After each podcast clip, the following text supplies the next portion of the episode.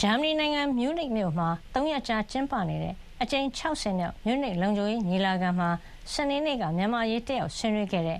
NUG နိုင်ငံခြားရေးဝန်ကြီး ဒေါ်ဇင်မာအောင်က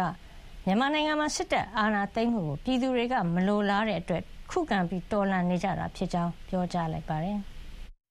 Actually, civil, civil resistance movement have been a consistent feature of of Myanmar. Uh, you know, the democratic transition and Myanmar's uh, journey to. အရက်ဖက်ပြည်သူတွေရဲ့ဆန္ဒရှင်ကိုတော်လှန်ပုံကမှုဟာမြန်မာနိုင်ငံဒီမိုကရေစီလမ်းရှောက်နှမ်းရမှာပုံမှန်အမြဲတမ်းတွေ့နေရတဲ့ဖြစ်ရဖြစ်ပြီး2021စစ်တပ်အာဏာသိမ်းတာကိုတော်လှန်တဲ့ဒီတစ်ခါခုခံတော်လှန်မှုမှာတော့အထူးသဖြင့်လူငယ်တွေအမျိုးသမီးတွေပါလာတာဟာထူးခြားသလို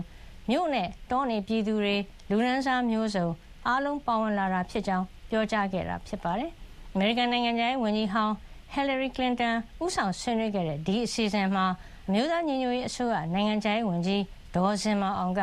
ခုခံတော်လှန်နေသူများရဲ့အသံ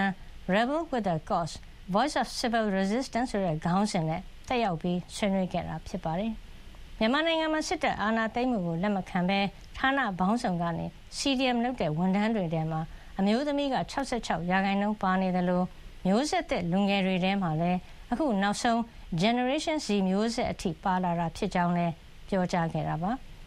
နှစ်ပေါင်းများစွာ ထိန်းချုပ်နေတဲ့ ဖြိုခွဲဖို့အတွက် မလွယ်ကူဘူးလို့ သတ်မှတ်ထားတဲ့ စစ်အာဏာရှင်ကို တိုင်းဒေသလက်နက်ကိုင်တွေရဲ့1029စစ်စင်ရေး အပါအဝင် ပြည်သူအများရဲ့ စုပေါင်းတွန်းလှန်မှုကြောင့် အခုဆို နိုင်ငံရဲ့ ရာခိုင်နှုန်း60ကျော်ကို ခုခံတော်လှန်နေသူတွေက ထိန်းချုပ်ထားနိုင်ပြီဖြစ်ကြောင်းနဲ့ ဒါဟာ မြန်မာပြည်သူတွေရဲ့ ထူးခြားတဲ့ ဒဏ်ခံနိုင်မှုကနေရတဲ့ ရလဒ်ဖြစ်ကြောင်း တင်ပြခဲ့တာလည်းဖြစ်ပါတယ်။